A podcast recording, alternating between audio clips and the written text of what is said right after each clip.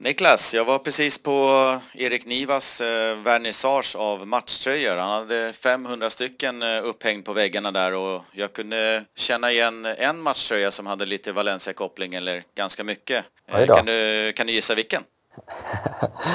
ja, den nöten kan jag nog inte knäcka sådär spontant. Nej, den är, den är svår. Eh, däremot så var det tyvärr en eh, Villarreal-tröja med eh, Soldados namn på. Aha, okej. Okay. Det var ingen, uh, ingen ren Valencia-tröja utan det var, det var så nära man kom. Ja, det var så nära vi kom men uh, jag kommenterade det till honom och han, uh, han noterade.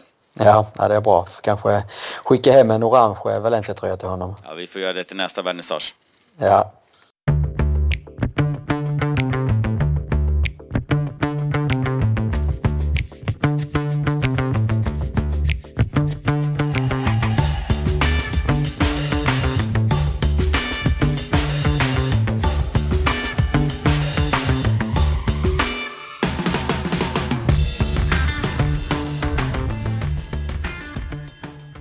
Hej och välkomna till avsnitt 8 av Valencia-podden med mig Marcus Timonen och eh, Niklas Hermansson. Och eh, tyvärr ska vi väl meddela, eller tyvärr och tyvärr förresten, men eh, Joakim Björklunds son blev uttagen till Sveriges U19-landslag som Mr Björklund ville kolla på. Så att vi skjuter upp den intervjun en vecka, men han har lovat att han är med nästa vecka. Hur är läget Niklas? Jo då, det är bara fint. Det är bara fint. Eh, det var ett litet eh, spännande mejl här jag fick från eh, Björklund där han då sa att eh, det har blivit lite landslagsbekymmer vi, om vi kunde skjuta på intervjun som du sa. Då, då undrar man ju först om det var så att Björklund har blivit extrainkallad här nu för att hantera Sasa kanske i mm. det kommande playoffet. Men eh, så var det ju inte. Vill man se sin son spela i landslaget så då har vi full respekt för det och det var jättekul. Ja, absolut. Tyvärr förlorade de väl mot eh, Polen med 1-0 vad jag förstod.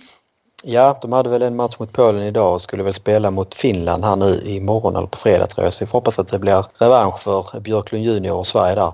Ja, absolut. Men eh, vi börjar väl som vanligt med lite nyheter. Det tycker jag. Eh, vi kan börja lite grann med lite transfernyheter nu när januarifönstret börjar närma sig. Det har rapporterats att Valencia följer en del spelare här. Eh, högerbacken har vi varit inne på tidigare eh, och där sägs det ett namn som Pablo Mafio var en av de hetaste kandidaterna. Även eh, Porto, offensiv inomhittfältare i, i Levante som har varit i Valencia tidigare sägs vara på agendan. Eh, och det är väl en ganska så ekonomisk lösning skulle jag tro eh, som man ser i Porto. Hassan eh, Bande, offensiv 19-åring från belgiska Mechelen, ska också vara på radarn. Eh, kan inte sådär spontant så mycket mer om honom om jag ska vara helt ärlig. Nej, inte jag heller. Mer än att det, det verkar vara många klubbar som följer honom. Precis, nej, det ska ju vara en, en fin talang så att säga. Så vi får väl se om, om det är någonting som vi kan knyta an oss. Sen så fick man ju sig en liten eh, chock måste jag ändå säga när man surfade in på Superdeporter här ikväll och såg Jakob Johanssons ansikte på första sidan återigen. Han sägs ju då vara en av de här eh, ekonomiska low cost alternativen som man kikar på att ta in i januari för att bredda upp inom ett fältet eh, framför allt. Ja, det vore ju kul med en eh, till svensk i laget men eh, ja. vi får se vad som händer. Ja precis, Nej, vi var ju inne på det när vi hade den här äh, trippeln att eh, det fanns ju bara två som hade spelat i laget så det hade varit fint. Han hade ju gått rakt in i en topp tre-lista där i alla fall utan att behöva göra särskilt mycket. Ja. Även hans eh, kollega på innermittfältet i AIK Aten som han spelar då, Jakob Johansson, Andres Simoes, portugisen, har också nämnts som en, eh, en spelare som kan hämtas in för att förstärka innermittfältet där man egentligen bara har Kondogbia och Parejo eh, som rena innermittfältare i dagsläget. Mm, spännande. På, på andra hållet så är det väl framförallt Oriana som, eh, som ryktas hit och dit höll jag på att säga. Eh, han har ju, fick ju tydligt eh, veta i somras att eh, han inte ingick direkt i Marcelinos planer och har ju fått väldigt eh, sparsamt med speltid under hösten. Nu är det väl både Aibar och Leganes som har liksom eh, visat konkret intresse här för att få spelaren i vinterfönstret. Så vi får väl se om det är någonting som kan gå i lås. Ja, jag kan ju tycka att det är en duglig spelare för både Aibar och Leganes att få in. Ja, absolut. Eh, vi vet ju vad han kan i sina starkaste stunder. Sen kanske han inte är den optimala spelaren just i, i eh, Marcelinos spelsfilosofi om man säger. Men eh, absolut en La Liga-spelare av hög klass. Lite skadenyheter. Gabriel tvingade lämna dagens träning med lite skadekänning. Enligt första uppgifterna ska det väl inte vara något superallvarligt utan det var mer en, en klassisk duell på träningen så att säga där han då fick en smäll på vaden tror jag det var. Men det är väl också lite tråkigt med, med, med Gabriel att det, det är ofta man liksom hör om hans olika skador som drabbar honom och det har väl varit ett genomgående kapitel genom hans karriär på något sätt, alla, alla de olika skadorna. Ja. Annars så har vi ju landslagsuppehåll till helgen, ingen ligaomgång och framförallt för oss Valencianista så blir det väl en lite eh, ambivalent eh, följning av Sasa eh, i Italien då. Kommer han sänka Sverige? Hur kommer det liksom kännas i, i huvudet och hjärtat att se Sasa göra mål å ena sidan men å andra sidan då döda Sveriges VM-chanser. Så det blir, ja, det blir lite eh, tufft och då under 180 minuter här. Eh, hoppas att Sasa ska bli mållös. Ja, eller att han kanske gör eh, två mål men Sverige ändå kvalificerar sig. Ja, nej precis. Samtidigt så hade det varit kul för honom att spela ett VM så att säga. Efter att eh, han fått en bra säsongstart här så borde han ju ha en bra chans att kunna eh, få starta i ett Italien till sommaren kanske om han håller i den här formen. Ja, men det tycker jag att han är värd bredvid Chiro Immobile där. Så att eh, jag, jag skulle faktiskt tippa på att han får starta. Ja, men han har ju chansen nu när Belotti är väl skadad där eh, som var förra årets stora utropstecken i, i, i Serie A. Så att, eh, jag, jag, tror också att han kommer starta och det känns som en spelare som passar Italien bra när de möter just Sverige. Att eh, springa och riva upp lite hål i svenska försvaret. Mm. Så han får Granqvist och grabbarna se upp för. Ja, absolut. Sen har vi en härlig seger mot eh, Leganes på Mestalla och snacka ner. Vad säger vi där? Parejo målskytt, Rodrigo och Santemina tog, slog in en straff. Ja, nej det var väl en, eh, det satt väl eh, eh, hårdare inne än kanske resultatet säger om man säger så. Mm. Det fick ju en, en, bra start där med Parejos eh, hyfsat tidiga frisparksmål. Eh, och eh, sen så var det väl en litet... Det var, jag tyckte det var en jämn match. Man kunde se liksom varför Leganes är där de är i tabellen. De är väldigt stabila och hade ju flera fina lägen faktiskt att kunna kvittera. Men istället så kan ju då Rodrigo göra, göra 2-0 på ett väldigt fint förarbete av Andreas Pereira och sen så kommer då straffen 10 minuter senare och, eh, och dödar den här tillställningen om man säger så. Eh. Ja, i slutet av första där, det är en eh, nästintill ofattbar miss han, han drar, eh, Leganes-spelaren, när han står fri framför Neto och lyckas på något sätt dra den över. Och där kände jag att ja, det kanske borde ha stått 1-1 och början av andra visade inte heller att det skulle sluta med 3-0. Men det är en oerhörd styrka att kunna, kunna avsluta på det sättet som Valencia gör. Ja, nej, här kan man väl också säga att det var väldigt, jag tyckte det var ett bra byte här. Soler hade inte alls någon bra dag. Eh, Andreas Pereira kommer in och jag tycker att han är ju i mångt och mycket eh, en upphovsman till att Valencia liksom då i, omkring den 70 minuten kan stänga den här matchen istället för att det kanske skulle blivit 1-1 och så en oviss avslutning så, så, så kliver eh, inhopparna fram. Först då Pereira där med, med framspelning och förarbete och sen är det då Santimina som både ordnar straffen och även slår in straffen. Eh, så jag tyckte det var två, två bra byten och eh, också kul liksom att att inhopparna får komma in och, och bidra på något vis. Ja, verkligen. Jag gladdes, gladde mig lite extra till Pereiras inhopp som faktiskt var riktigt, riktigt bra. Ja, jag tyckte han, eh, det var väl det största utropstecknet framförallt i denna matchen tyckte jag. Eh, sen var det väl också en del intressanta eh, saker som jag, jag tog med mig. Det var ju sjunde raka segern för laget. Första gången sedan 1947. Och den här starten i ligan är väl en av de starkaste poängmässigt någonsin i Valencias historia. Och då Leganes som inför den här omgången hade släppt in fem mål på de första tio omgångarna. Och nu släpper man då in tre mot Valencia på drygt 80 minuter. Så det, det, det, var väl också någonting eh, att ta med sig. Nollan bakåt igen. Eh, jag tycker inte man ska det går liksom inte att nog understryka hur, hur, hur bra eh, och stabil eh, framförallt som eh, Netto är och har varit i stort sett hela säsongen. Han har blivit hamnat en del i skymundan av de andra nyförvärven kanske då med Guedes och Kondogbia och, och Sasas förvandling på något sätt. Men det känns ju som Netto är ju kanske den, den nyförvärvet som jag har imponerat av mest egentligen. Ja, och det var ju en, eh, en stor rock att, att fylla ut efter eh, Diego. Eh, och han har ju klivit in och gjort allt det man önskar. Ja absolut, jag tycker han är flera nivåer, flera nivåer bättre än Diego Alves faktiskt. Diego Alves var ju fantastisk på straffar men ibland så kände jag att han var mer en skottstoppare än en komplett målvakt på något sätt. Och jag tycker det känns som att hela försvaret har också blivit lugnare och tryggare med en netto i mål helt enkelt. Hatten av för netto. Ja, absolut. Eh, annars så blev det ju lite grann igen en snackis om Sasa. Eh, han blev utbytt hyfsat tidigt. Eh, gjorde ingen bra match så att det var väl inget att säga om det bytet. Men det gick väl ganska tydligt att se på Sasa att han inte var särskilt nöjd med att bli utbytt ändå. Han hade nog gärna varit kvar hela matchen där och, och mm. kanske försökt stänka in ett mål på slutet. Och sen så då så såg man att han lämnade bänken, sprang in i omklädningsrummet och då, då fick man ju liksom lite så här flashbacks till, eh, till när, när, när vi hade samma problem eh, tidigare under säsongen där han hamnade i en dispyt med Marcelino. Eh, mm. Det visade sig senare att det fanns naturliga skäl så att säga att mm. lämna bänken när han behövde gå på toa. Och kom ja. ju också tillbaka till bänken igen sen och Marcelino tonade ner allting efteråt att det var liksom ingen fejd utan ja visst han var besviken för att vara utbytt men han lämnade bänken på grund av att gå på toa och kom tillbaka igen så det var liksom ingenting att, att, att, att, att prata om mer så att det kändes ändå skönt. Det är ju en eh, slak lina att gå på det där. Man vill ju att alla ska ha en, en vinnarskalle och alltid vilja delta i spelet och, och, och bli lite inom situationstecken kanske då sura när man blir eh, utbytta men man vill ju samtidigt att de ska stötta laget och min känsla är att eh, Sasa han, han, eh, det är nära gränsen men han håller sig på rätt sida. Gärna håller med. Det känns som att Sasa är väl en sån spelare och person som du får allt eller inget på något sätt. Mm. Alltså, vill, vill, du ha hans engagemang på planen så får du också ta att, äh, att han har liksom de här... Han kan inte bara stänga av när han blir utbytt och liksom, äh, sätta sig med ett leende på bänken där. Och det, alltså, om jag tolkar honom rätt så tror jag att han är mest förbannad eh, på sig själv så att säga och inte på någon tränare eller på någon annan utan han är besviken över sin insats och eh, han är liksom den person som, som inte kan dölja det. Nej, och ibland så, så behöver den typen av spelare kanske 5-10 minuter och bara kyla ner sig lite grann och sen är det bra. Men då måste man precis. ge de spelarna den tiden också.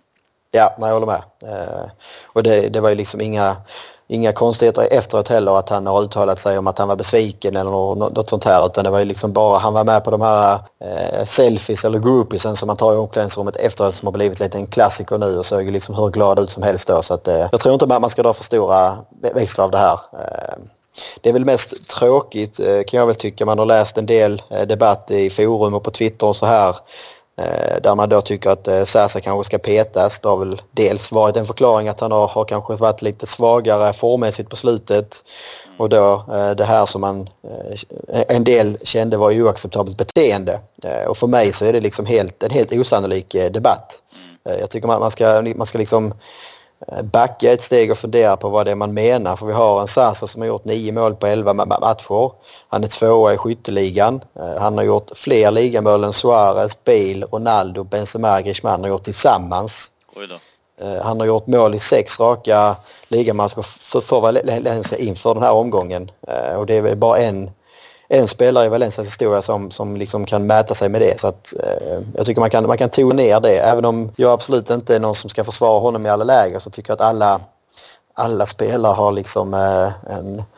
Eh, man kan inte lyckas alltid eh, och jag är den första att erkänna att han inte var, var, var superbra den här matchen. Men att gå från det till att liksom börja klaga på det här eh, viset på honom tycker jag är väl eh, magstarkt. Jag håller med. Sasa har gjort det grymt bra i år och han förtjänar en plats i startelvan eh, och, och, får vara lite grinig och lite vinnarskalle när han blivit ut. Men eh, så länge han håller inom eh, rätt ramar så då köper jag det alla dagar i veckan.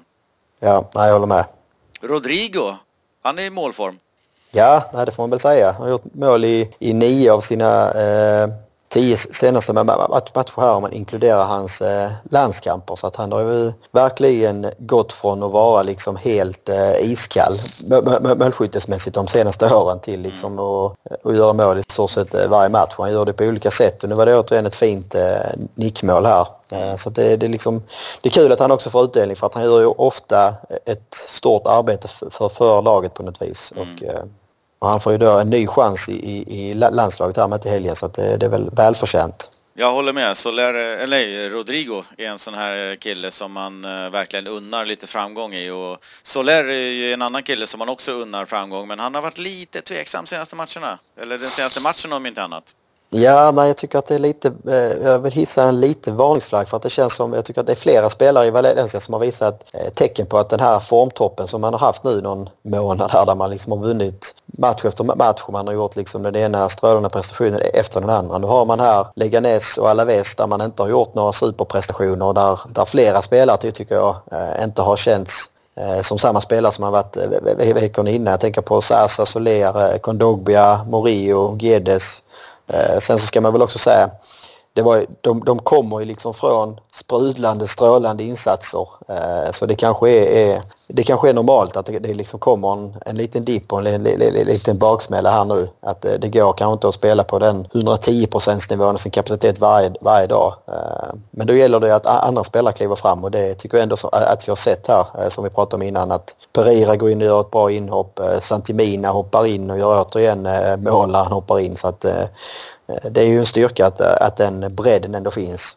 Ja, GDS hade ju en uh, vansinnig nivå där ett par matcher och, och det, den är ju jättesvår att hålla kvar. Och jag pratade lite grann om att jag tyckte personligen att Kondogbia spelar med, med hög risk. Och någon som spelar med ännu högre risk eh, kan jag tycka är ju Murillo. Han gör ju ett par fantastiska brytningar men samtidigt ett par hårresande missar som kunde ha kostat ett par mål. Ja, nej, han blandar och er känns det som. Mm. Och det var väl en, en, spelare som vi inte nämnde där är väl också Montoya på högerbacken mm. som jag också tycker sett, äh, sett svag ut här. Han var väl inte lika dålig nu mot äh, Leganes som han var mot Alaves men äh, det känns som att det är högerkanten som, äh, som det, det, det, är det stora bekymret i, i försvarsspelet. Däremot så har vi fortfarande fyra poäng eh, upp till Barca och fyra poäng ner till Madridlagen. Men eh, nu även sju poäng ner till utanför Champions League-plats. Och det är väldigt viktigt med lite andrum eh, och, och, och, kanske kunna ta ett kryss eller en förlust utan att känna att någon nosar en i hälarna. Ja precis, när jag såg någon, någon sån här helt onödig icke-statistik att det var inget, inget lag som hade haft eh, sju poängs eh, till godo till Champions League-platsen som hade bommat och komma till Champions League eh, när säsongen är slut. Så vi får hoppas att eh, Valencia inte bryter den sviten. Ja, absolut. Det, det siktar vi på. Sen hade du en liten eh, skojig jämförelse mellan startelvan 03-04. Just det, nej, men de, eh, man gjorde ju, eh, det var en bild som började cirkulera, jag tror det var La Ligas officiella konto faktiskt, som eh, lade upp en bild där man då jämförde spelare för spelare Valencias lag i år jämfört med det då senaste eh, startelvan när man tog guldet 03-04 och eh, kan vi bara snabbt gå igenom position på position så får du säga om du, vilken spelare du, du liksom föredrar. Mm. Om vi börjar målet så hade vi Canizares eller Netto. Ja, Canizares är ju såklart en, en större personlighet och målvakt under en längre tid i Valencia så det är svårt att säga att Netto är, är, är på så sätt bättre. Men jag, jag, tycker Netto, han håller jämna steg eh, det jag har sett hittills i år. Ja, jag håller med. Han närmar sig i alla fall. Mm. Och sen hade vi då en backlinje med Corotores, Marchena, Ayala och Carboni. Också då Montoya, Garay, Gabriel Morillo eller, och eh, Gaia där ligger vi nog lite efter skulle jag säga men eh, det finns eh, tid på säsongen kvar att förbättra sig och närma sig den eh, legendariska backlinjen. Ja, det får man ändå säga. Bara en sån som Ayala eh, höjer ju hela den. Eh, han hade väl sitt, sin absolut starkaste säsong dessutom här, 03-04. Så att, ja, den är svår att mäta sig med. Och där saknar vi väl kanske i dagens startelva någon typ av fältgeneral i backlinjen. Någon som har, ja, kanske kaptensbinden tänkte jag säga, men någon Precis. som har, jag är chef, det är min backlinje, så här beter vi oss. Och det har vi inte idag riktigt än så länge. Nej, det är lite så. Det är väl Garay som börjar mer och mer eh, utmana om den eh, titeln så att säga och vara eh, generalen där bak. Mm. Mittfältet då? Ett innermittfält med Albella Baraja jämfört då med Kondogbia Parejo. Jag håller väl eh, hyfsat jämna steg, men det är ju såklart det är legendarer vi pratar om så att det är svårt att, att säga att vi har det bättre idag ändå. Men eh, jag är nöjd med mittfältet idag. Ja, jag håller med. Det är alltid enklare i efterhand också. Då, då, då minns man oftast bara de, de goda grejerna så att säga. Eh, men det känns som att eh, Parejo gör mycket poäng eh, och vi har ju sett här nu när han inte är med och när han är med vilken betydelse han har om man säger så. Eh, ja, Kondogbia började ju började säsongen starkt. Det är väl den, den här städgumman på infältet som vi har saknat kanske ända sedan Albellas dagar så att, eh, det är en tuff match där. Ja, och på kanterna? Yttre hade vi då 03, 04 Rufete och Vicente eh, och här i år så är det väl Soler och Gede som har varit de, de mest framträdande på kanterna. Ja, det är väl två eh, riktigt bra spelare då och två up and coming spelare nu. Så att, eh, jag hoppas att de spelare vi har nu kanske lyfter till samma nivå eller ännu högre vad tiden lider om nu Gedes eh, stannar hos oss. Ja precis, Nej, jag skulle väl säga ungefär detsamma. Så Vicentes nivå 03-04 är ju helt klart jämförbar med den eh, dominansen som vi såg Guedes hade under sin, sin topperiod här under hösten. Eh, så det återstår väl att se om, om eh, portugisen kan hålla den, den nivån över en hel säsong så eh, börjar han väl närma sig Vicentes eh, formtoppar också. Mm. Och anfallsparet var ju då Aymar Mista jämfört med Rodrigo Sasa. Målmässigt vet jag inte om vi kanske inte har ett bättre anfallspar nu, men jag har ju svårt att se att någon av de här toppar eh, El Payas och Aymar. Nej, den säsongen som de hade framförallt här eh, är ju väldigt svår. Precis som du säger, målmässigt så tror jag säkert att man, man kan komma i, i närheten. Eh, Eh, det var väl mer, 04 var väl mer målskyttet utsprätt och Vicente kom väl eh, tvåa i skytteligan det året tror jag. Eh, så att, eh, ja, men jag tyckte det var kul att jämföra och när man liksom tar det spelare för spelare så ser man att ja, det är ett starkt lag vi har i år ändå. Men samtidigt tycker jag också att man, man kan se att ribban i La Liga har höjts på något sätt. Vi märker liksom att Valencia har ett starkt lag och ändå så är man, är man liksom fortfarande hos en del kanske inte riktigt den här kandidaten att kunna utmana om guldet även om man nu är tvåa i ligan än så länge. Så är det. det är, när man tittar på spelarna och, och, ni andra som sitter och lyssnar så det är ju en eh, fullständigt makalös eh, startelva vi hade 03-04 men jag tror nog att vi kan ha någon, en bra grej på gång här och, och även fast jag tycker att som helhet så ligger vi lite efter 03-04 så vi får se. De här kanske är legendarer när den här säsongen är slut. Ja, vi får hoppas det. Ja, men då så. Då avslutar vi nyhetssvepet. Det gör vi. Då är det dags för en liten eh, trippel och den här gången får alla Herman-fans eh, stå åt sidan lite grann för nu kapar jag trippeln helt enkelt utan att be om ursäkt. Det gör du rätt i tycker jag. Ja, så det blir Timonens trippel den här gången och jag har kikat in på lite statistik som finns kring eh, laget och det är sånt som jag älskar att, att grotta in mig i och, och hitta lite vägar och, och, tankar och förklaringar kring, eh, kring varför någonting går dåligt och kring varför någonting går, går bra. Så att eh, vi kör väl igång med plats tre tänkte jag, så har vi en liten eh, plats ett på slutet där då. Ja.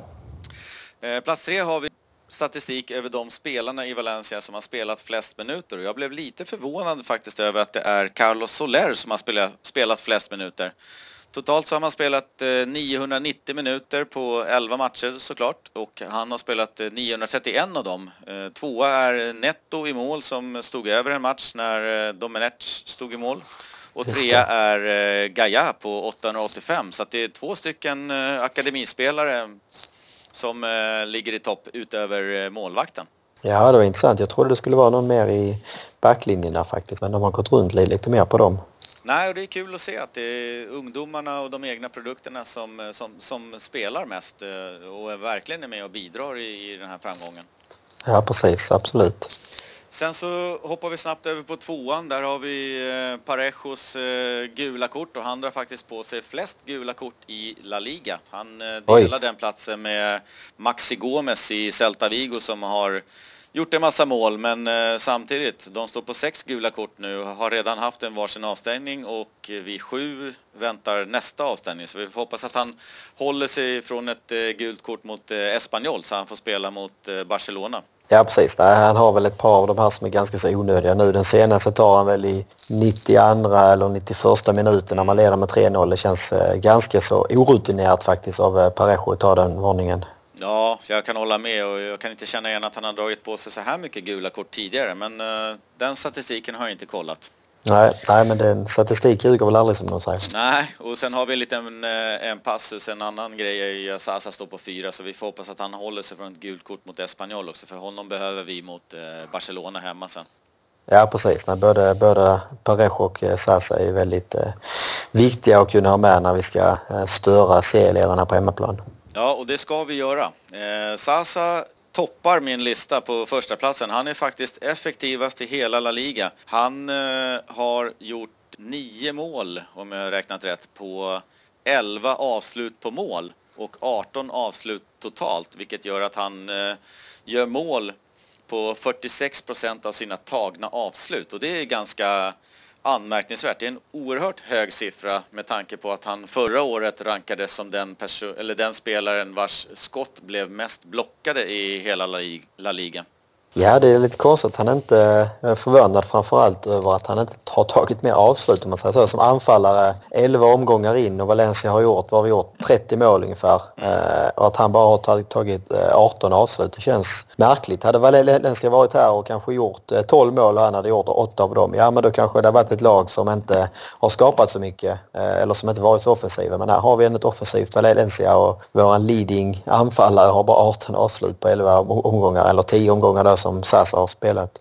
Ja, och det känns ju lite som tvåeggat. Eh, å ena sidan så är det ju fantastiskt att han har ökat liksom effektiviteten så att han är ju just nu oerhört effektiv, vilket han kanske inte var förra året. Men samtidigt så skulle jag vilja höja lite varningens finger där man tänker att det här går ju nästan inte att hålla i, att göra nästan eh, mål på varannat avslut. Så att eh, han måste nog öka sin inblandning i, i anfallet kanske lite mer och vara mer, eh, ta mer avslut helt enkelt. För att jag tror att det, annars blir det svårt att hålla i det här målsnittet.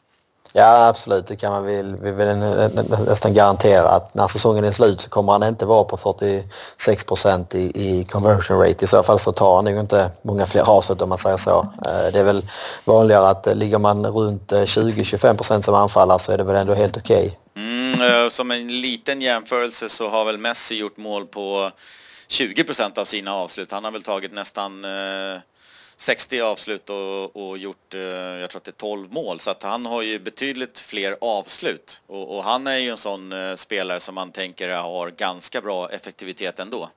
Ja precis. Nej men det, det känns som att Sasa behöver, behöver komma i de här avslutslägena oftare. Eh, och eh, ja, alltså förhoppningsvis ju fler avslut han gör desto fler mål kommer han göra och eh, även om han inte kommer hålla upp den här eh, snittet så att säga eh, så känns det väl fortfarande rimligt att eh, han ska kunna hamna in på en eh, 15-20 mål om vi stänger ligan i vår. Ja, det hoppas jag verkligen och jag, jag kan tänka mig att Sasas effektivitet i eh, avsluten var en sån sak som Marcelino ganska tidigt identifierade och, och de ja. har säkerligen jobbat på hur han avslutar och när han avslutar.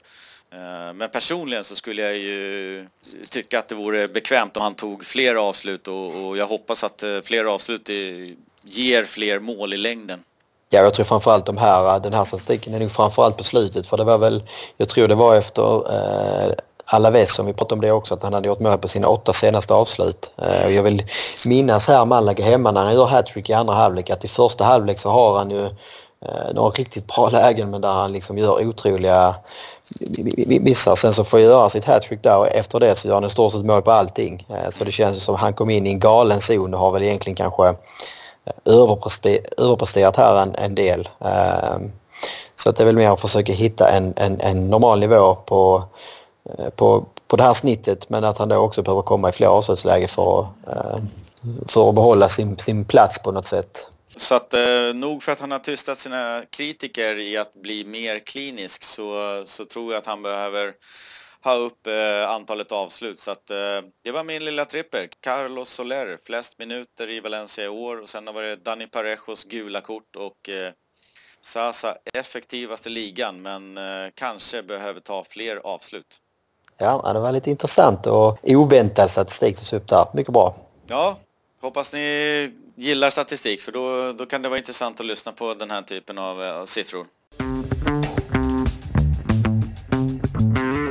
Sådär, då ska jag bara sträcka mig efter den lilla asken som står här på bordet. Ingen mindre än Pandoras ask. Där har vi haft lite olika grejer genom de olika avsnitten men eh, vad ligger det fyra bokstäver där i? FFFP, Fifa Financial Fair Play. Vad är det för någonting egentligen? Ja, det har väl varit eh, en av de sakerna som har varit på tapeten allra starkast i Valencia eh, de senaste åren känns det som. Eh, kort beskrivet så kan man väl säga att det är ju ett regelverk som Fifa då, som namnet säger, har tagit fram som egentligen ska bygga på att man ska hantera intäkterna som klubben har och de ska då spegla utgifterna. Fotbollsklubbar ska då inte längre kunna gå med miljoner eller miljarder i förlust som har varit fallet i en del föreningar och tanken bakom det här är väl så att säga väldigt god för en mer rättvisare fotboll så att säga och eh, att i längden ska man liksom få bort den här eh, ekonomiska dopingen på något sätt.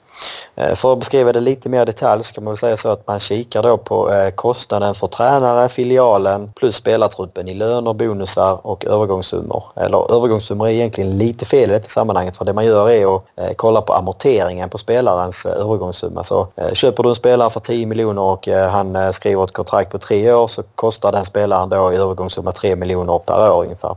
För att ta, för att ta några, några exempel för att kanske mer förstå hur man räknar så kan man då exempelvis så kostade eh, Negredo i fjol eh, Valencia 13,5 miljoner det året. Eh, 6,5 miljoner hade han i lön och 7 miljoner var då amortering så att säga på hans övergångssumma. Rodrigo kostade 9,2 miljoner, 3,2 i lön och 6 i amortering. Samma nivå ligger Sasa på. Enzo Perez kostade nästan 10 miljoner. Han hade 4,4 i, i lön och 5,5 miljoner i övergångssumma amortering. Och ett annat exempel som då Dani Parejo kostar bara 5 miljoner och det då är 5 miljoner i lön enbart eftersom att hans övergångssumma räknas vara avbetald om man säger så. Kan ägarna injicera hur mycket pengar som helst för att boosta sitt lags eh, FFFP-budget? Ja, till viss del så är det ju så. Eh, ägartillskott så räknas ofta som en eh, normal inkomst om man säger så. Men det har även blivit att en del klubb, klubbägare så att säga har ju försökt använda det här för att komma runt Fifa Financial Fair Play och då har ju då Uefa som hanterar de europeiska klubbarna eh, gått in och försökt kolla på. Eh, framförallt har det väl varit när eh, klubbar så att säga genom någon slags sponsringavtal med, med företag som då ofta har varit eh, relaterat till ägaren. Eh, så har Uefa gått in och gjort mer eh, behovsberäkningar skulle man kunna säga för att då eh, räkna fram vad hade varit ett verkligt värde på den här sponsringen med, med marknadspriser. Eh, det är kanske inte liksom rimligt att Eh, Eh, Peter Lim hade med sitt eh, företag i Singapore sponsrat Valencias tröjor med en miljard när liksom marknadspriset kanske är eh, 100 miljoner. Bara för att ta ett dåligt exempel. Så det finns en viss, viss reglering där men inte helt och hållet än så länge. Nej. Tjänar man alltid på att skeppa iväg dyra spelare då eller? Ja, det beror lite grann på. Eh, riktigt så enkelt är det väl inte. Lönen den sparar man ju absolut in. Eh, så blir du av med spelare så blir du av med hans lönepost så att säga. Så den är ju, den är ju enkel att förstå. Eh, försäljning så beror det ju lite grann på om, om hur länge spelaren har varit i klubben så att säga. Och om hela, hela övergångssumman har hunnit amorteras bort. Annars har realiserat hela den summan när man då säljer. Så exempelvis hade vi försäljningar på Ryan och Santos, Adelan Santos här i somras som, eh, som blev i stort sett en förlust för Valencia. Eh, eftersom hela deras övergångssumma hade vi inte amorterat av så att det blev liksom den summan som vi hade kvar att amortera av på de här spelarna var högre än den summan som man fick in i, i, i försäljningspriset. Så att det, det, det är lite lurigt det här eh, och, och liksom räkna på så det är ett litet pussel att få ihop. Ja, jag kan tänka mig det. På, hur påverkar det här eh, vårt kära Valencia? Man kan väl säga eh, mycket påverkas ju om man är med i Champions League eller inte. Eh, Europa League till viss del skulle jag säga. Eh, men intäkterna från Champions League är ju så pass viktiga och stora att eh, det gör väldigt stor skillnad vilken budget som man har då i det här Financial Fair Play. Eh, exempelvis så hade Valencia en budget omkring 116-120 miljoner euro per säsong när man var med i Champions League. Eh, denna säsongen när man då inte alls är ute i Europa och får in de pengarna så ligger man ungefär omkring 85 90 miljoner. Eh, så det förstår man ju att det är ju liksom en, en 20-25 miljoners skillnad.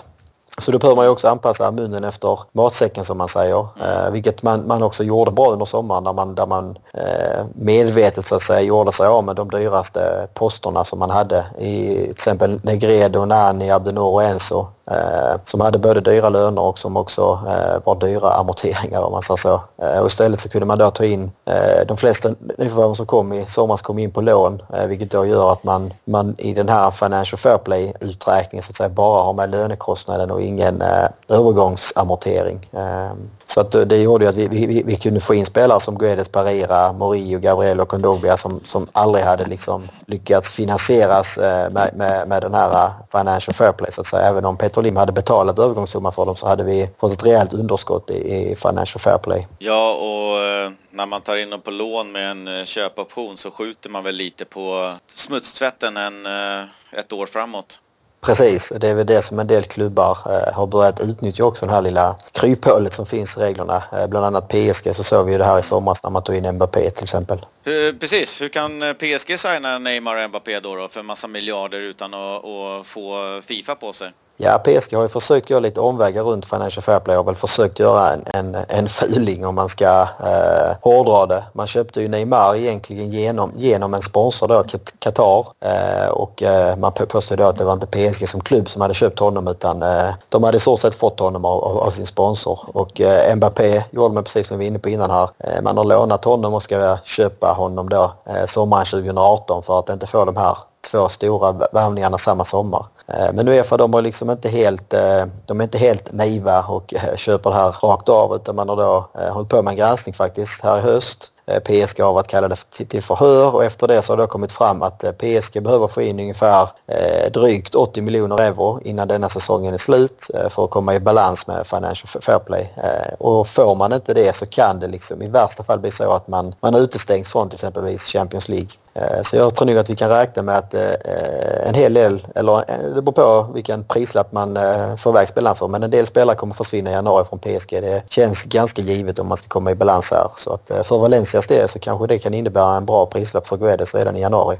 Ja, vi får väl hoppas och som utifrån betraktare på PSGs Fifa Financial Fair Play hantering så, så, undrar man ju verkligen hur, hur det kan gå ihop. Ja, nej, men det är ju som vi pratade om i något annat avsnitt att eh, om man nu liksom bestämmer sig för att ha sådana här regler så behöver man ju också tydligt liksom eh, stoppa den här uppenbara eh, försöket till att ta, ta, ta sig runt och dopa sig på andra sätt. Annars så kan man ju lika gärna slopa det här Financial Fair Play igen. Om det, om det är så här enkelt för en klubb och eh, gå omvägar eh, så kommer ju liksom ingen, ingen ta de här reglerna på allvar utan då kommer alla hitta sina egna upplägg och så eh, tar det ett, två år sen är vi liksom tillbaka på samma nivå igen där eh, de här klyftorna ökar eh, mellan klubbarna. Så att, eh, jag hoppas att Uefa liksom tar det här på allvar och ger liksom Paris ett, eh, ett kännbart straff för det här. Ja, och med tanke på att eh, Valencia rör sig med eh, 90 miljoner euro i svångrem nu så, så kan man ju tycka att eh, om eh, om man ska efterleva det här så är det väl snarare eh, PSG man ska kika på än att Valencia och andra klubbar håller sig inom sina någorlunda små svångremmar eh, än att eh, PSG kan då ha tio gånger så hög eh, Precis. Eh, fair play. Så är det och det, alltså det, det, det som eh, de lärda tvistar om så att säga det är just den här vad som ska ingå i den här Fifa Financial eh, Fair Play-budgeten så att säga som då ska vara de sportsliga Eh, kostnaderna. Så till exempel eh, utbyggnad av stadion eller andra eh, omkringliggande klubbkostnader så säga, ska inte räknas med här och det är det här lilla kryphålet som PSG har sett genom att då eh, ta in Neymar genom sin sponsor och då eh, på andra sätt så att säga betala av honom än att det, det räknas in under som en sportslig eh, kostnad. Så att det är ju, eh, på ett sätt är det liksom inte, borde inte Uefa vara var förvånade att eh, de här storklubbarna har liksom eh, de har bra jurister och de, de eh, handlar ju bara för sitt eget eh, bästa på något vis. Eh, eh de är inte intresserade av att skapa liksom en jämvikt eller rättvisa utan de vill ju bara eh, göra sin, sin förening så framgångsrik som möjligt och utnyttja de, de kryphålen man hittar så det gäller ju att, ja, att förbunden eller då Uefa och Fifa på något sätt sätter ner foten här på något vis. Framförallt när det, när det är så uppenbart. Alla kan ju se att, att det liksom är smutsiga pengar om man nu får uttrycka sig så. Ja, det är ju osedvanligt stora pengar om inte annat och man vill ju ändå att eh, har man ett regelverk så ska det gälla allihopa och det är ju en, eh, en snårig väg att gå säkert. Ja, nej men så är det ju. Eh, men eh, vi får väl ge det kanske något år här med lite tålamod också innan det sätter sig helt och hållet.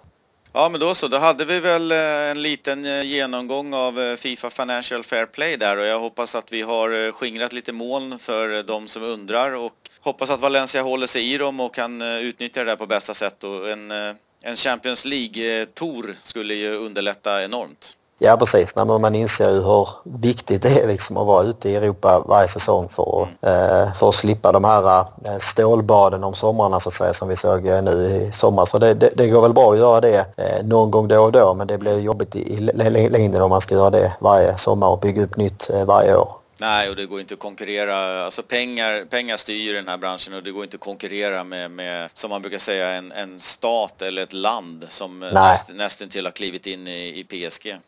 Nej, precis. Nej, det blir lite, det blir lite löjligt, liksom, precis som du var inne på, att man då ska liksom eh, trycka på eh, mindre klubbar i det här sammanhanget som Valencia och eh, flera andra som är ännu mindre än Valencia som då ska kämpa med att få ihop sin balans och sen så kan då en stat komma in och eh, finansiera med en miljard till en annan klubb. Det, det, ja, är reglerna till för att göra det mera rättvist och, och minska klyftorna så eh, känns det som att då måste man också eh, ta i med hårdhandskarna när någon försöker gå emot dem så uppenbart. Ja, absolut. Jag tycker att vi, vi slänger ner den här smutstvätten och de hårda handskarna i, i asken och stänger igen locket så hoppas vi att Fifa agerar där eh, i Pandoras ask eh, så länge Fifa Financial Fair Play ligger där i så tar vi det därifrån. Precis, så får vi säkert anledning att återkomma till det när det, när det är dags för en ny säsong och se hur pusslet ser ut då för vårt kära Valencia. Ja, exakt. Vi, vi kanske kan se en, en ny Pandoras ask i samma ämne fram till sommaren eller våren. Precis. Då går vi in på målrakan eh, som brukar innehålla uppsnack inför nästa match och den är ju en bit bort. Söndag den 19 november mot Espanyol eh, runt fyra rycket om jag inte minns fel och eh, den snackar vi upp i nästa avsnitt men däremot så tycker jag att vi kikar in på scorecasten där jag för en gångs skull lyckades eh, lite lite bättre än dig Niklas. Ja, det var hatten av för att pricka in eh, Parejos eh, frisparksmål där som första målskytt. Det var fint, fint tippat faktiskt. Ja, jag nämnde ju tyvärr förra gången att jag trodde att det kanske var på en straff eh, lite sent i matchen. Men, men jag tar en frispark under muren varje dag i veckan. Ja, precis. Det blir samma poäng på en frispark tidigt eller en straff sent. Ja, slutställningen blir ju då, eller den aktuella ställningen blir ju då att du har sju poäng och jag har fem i och med att vi fick in rätt tipstecken båda två. Men jag satte Parejo så jag knappar in en liten, liten poäng på det. 7-5. Ja, det var lite sådär. Eh, det stod ju 2-0 länge mm. Eh, som jag hade som slutresultat. Men sen så skulle ju eh, Santimina dunka dit en straff också. Så att, det, blev, det, blev, ja, det blev en rolig seger men ingen extra poäng för mig. Nej, jag, jag siktar på att komma ikapp här alldeles, alldeles strax. Men sen så hade vi ju en liten, liten tävling. Och i och med att Joakim Björklund inte kunde vara med den här gången utan är med i nästa avsnitt så fortsätter tävlingen. Skicka in era frågor. Eh, har ni någonting ni vill fråga eh, Björklund så har ni, eh, får ni säkert ingen bättre chans än den här gången. In på sociala medier, skicka in frågan på det sättet ni vill. Vi har adressen valenciapodden gmail.com eller at valenciapodden på alla andra sociala medier. Så att, ta chansen, ställ en fråga. Vi lovar att ta upp de frågor som vi får och hoppas att vi får in så många som möjligt. Absolut, ja, men det är väl ett bra tillfälle att kunna ställa Björklund mot väggen höll jag på att säga. Men att kunna fråga honom om allt mellan natt och dag i hans eh, tid i klubben och eh, hans, eh, vad han gör i klubben idag kanske och eh, ja, vad man nu kan tänkas vara intresserad av. Ja, precis. Och han har ju spelat med en hel del eh, häftiga spelare i sin tid i Valencia så att han har säkert någonting att, att berätta om eh, var och en, bara vi eh, frågar honom. Ja, nej, det tror jag absolut. Men då så, då tycker jag att vi tackar för oss med ett eh, sedvanligt hasta luego så syns vi nästa vecka. Hasta luego.